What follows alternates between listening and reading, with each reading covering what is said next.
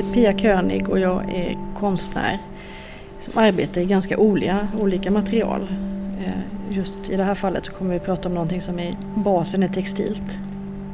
Vi står ju här i Linköping på konsthallen som heter Passagen och framför oss ligger en stor matta som det står olika föremål och det är väl främst den som vi ska prata om nu för den har också direkt koppling till Blekinge, precis som du ju. Ja, eh, jag kommer ju från Blekinge, jag är från eh, utanför Karlskrona, jag är uppvuxen i Jämjö och Torhamn.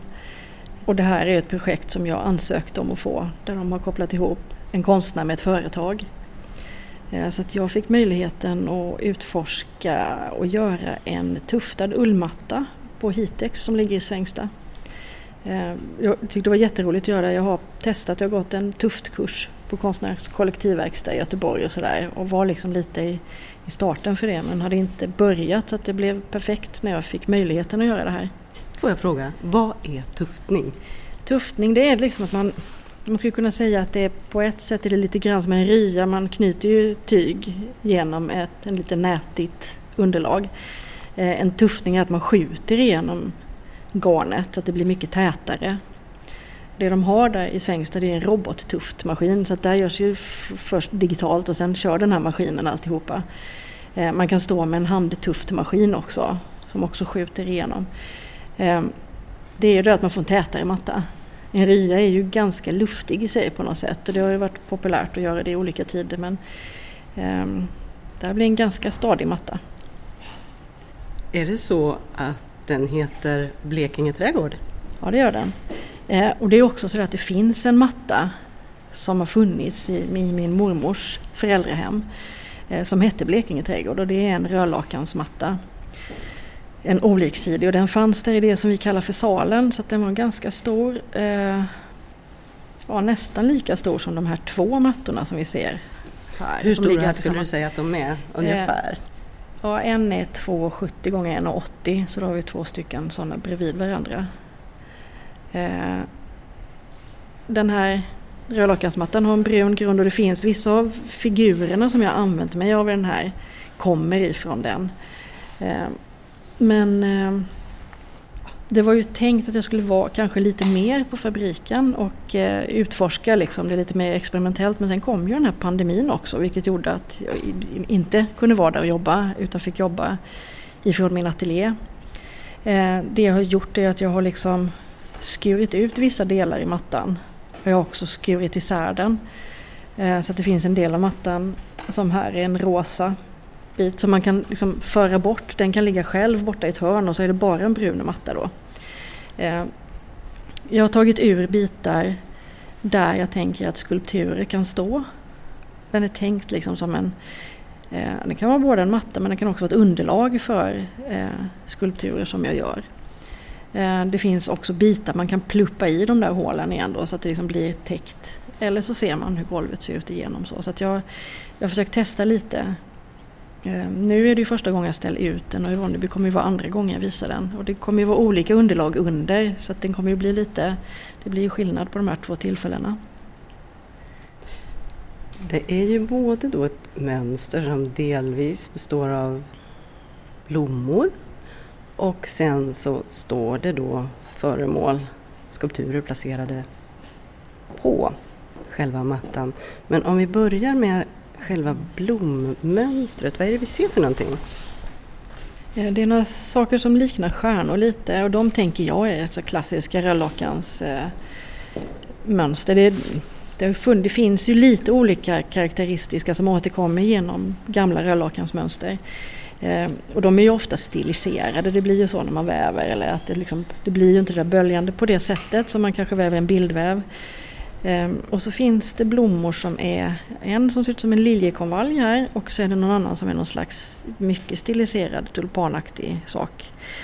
Ehm, de har funnits i det här originalmönstret. Sen har jag skalförskjutit och ändrat och gjort större och mindre.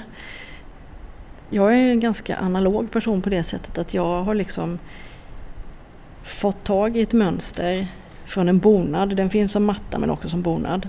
Utav en, en vän till mig. vars mamma hade påbörjat bonaden och aldrig gjort den färdigt. När de städade ur efter henne så hittade de det här så att jag kunde kopiera i en, det man kanske ska kalla skrivare nu, men jag kallar det kopiator fortfarande. Eh, för det här lätta sättet att mångfaldiga. Man, man kan ju förstora och förminska där. Så att jättemycket av det liksom mönsterarbetet har jag gjort i en vanlig kopiator. Eh, och klippt och klistrat och eh, kört igen.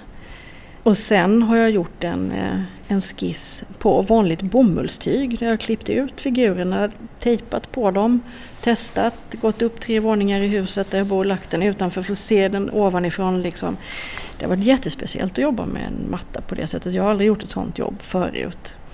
Och försöka hitta liksom avgränsningen för vad man hur mycket jag kan ha med eller vad det är jag ska ta bort. Eller jag jobbade nog i ett halvår av och till med den liksom för att till slut bestämma mig för vad det var jag ville ha med. Liksom, allt, allt kändes möjligt samtidigt som man måste sätta någon slags ram.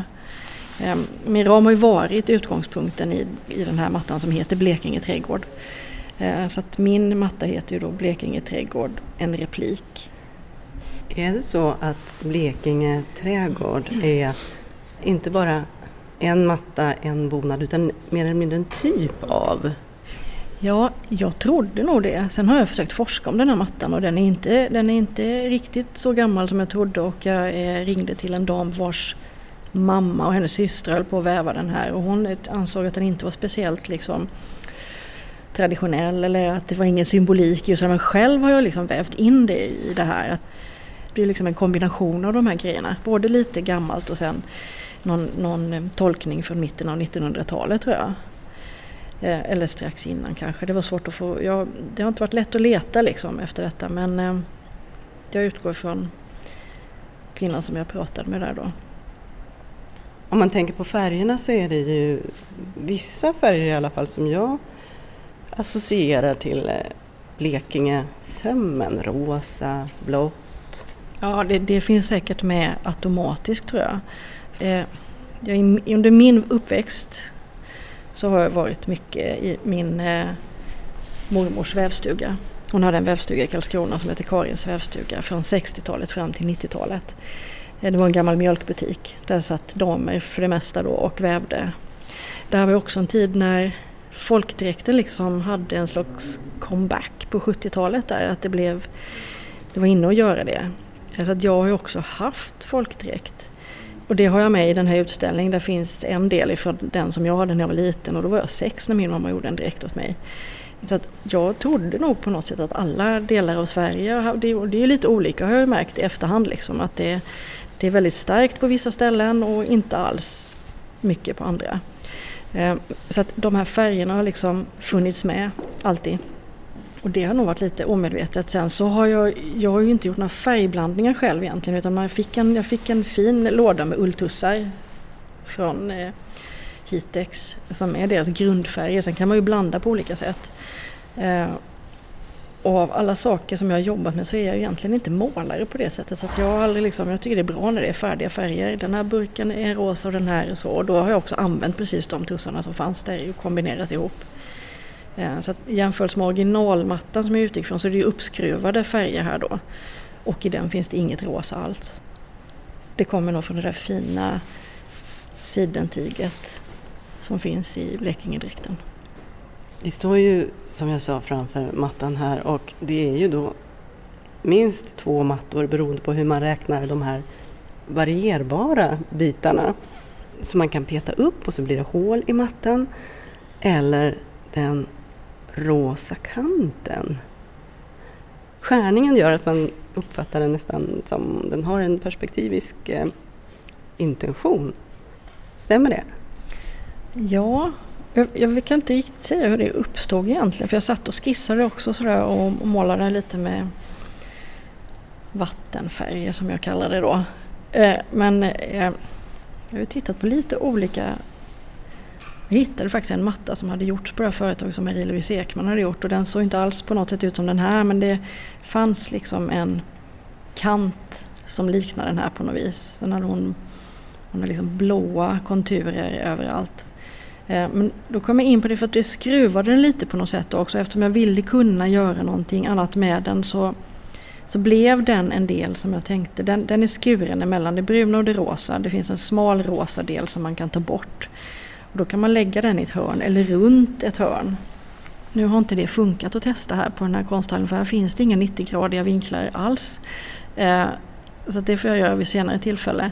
Men då, då blev det liksom som att den ja, den blir lite skruvad av det där. Man kan inte riktigt fatta vad det där är för grej och varför. Eh, men jag tror att jag tyckte om det också. Det blev det där tillägget till den, ja, om man kallar det en vanlig matta, så blev det här lite annorlunda. Är det här ett bruksföremål eller är det en, en textilskulptur? Jag tänker att det är båda.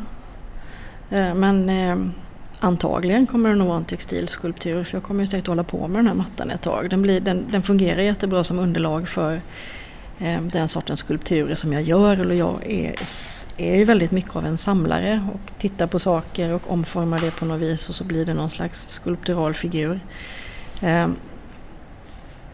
De här rutorna som syns tillkom ganska sent i det hela. Jag hade en sån här krita som man har när man lägger upp en klänning eller sådär.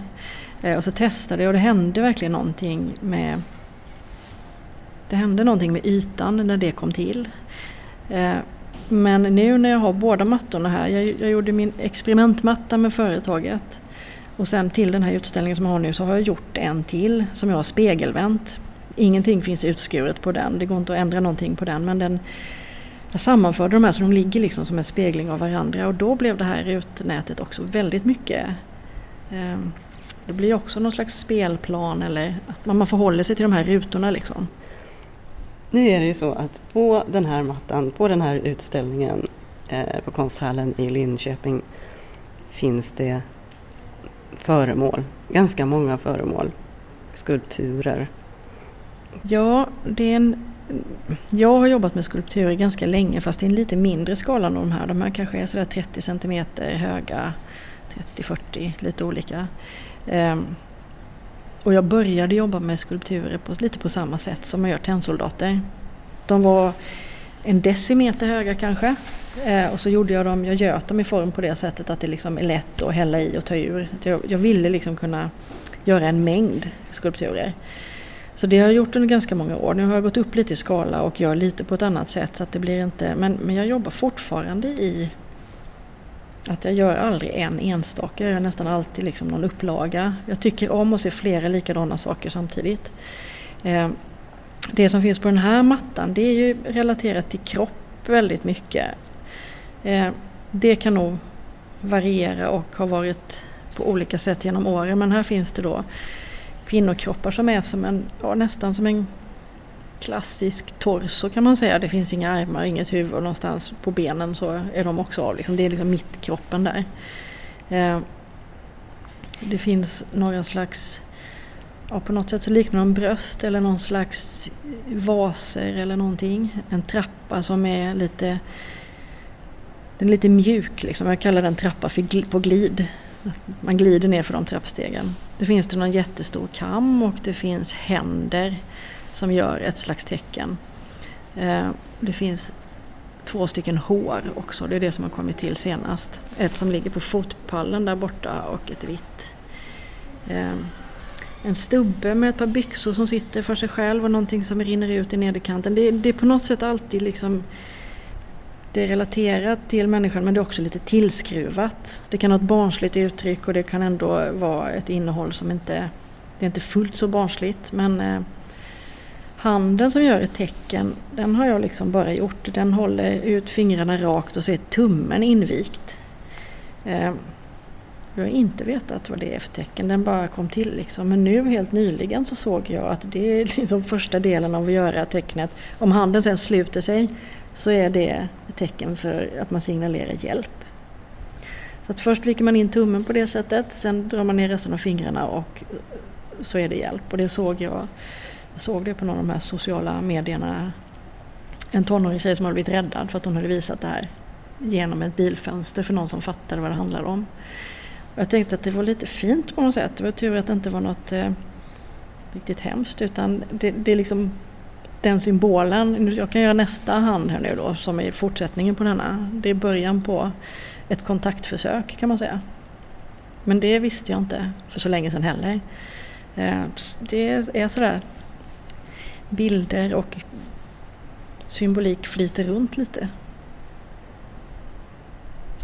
Du, jag eh, blir ju lite extra intresserad av den här vävstugan. Ja. Din mormor? Min mormor eh, eh, jobbade ju som ändringssömmerska i en affär i Karlskrona och städade kommunala flickskolan i Karlskrona. Men när hon blev pensionär då tog hon liksom tag i det som egentligen har varit hela hennes livsdröm. Hon hade velat gå på Handarbetets vänner när hon var ung och väva. Det var liksom hennes passion. Men det blev inte så. Hon fick många små barn och bodde i Karlskrona. Och de arbetade och arbetade. Så att när hon startade den här och så länge som hon kunde ha den kvar liksom, så var det navet i hennes liv.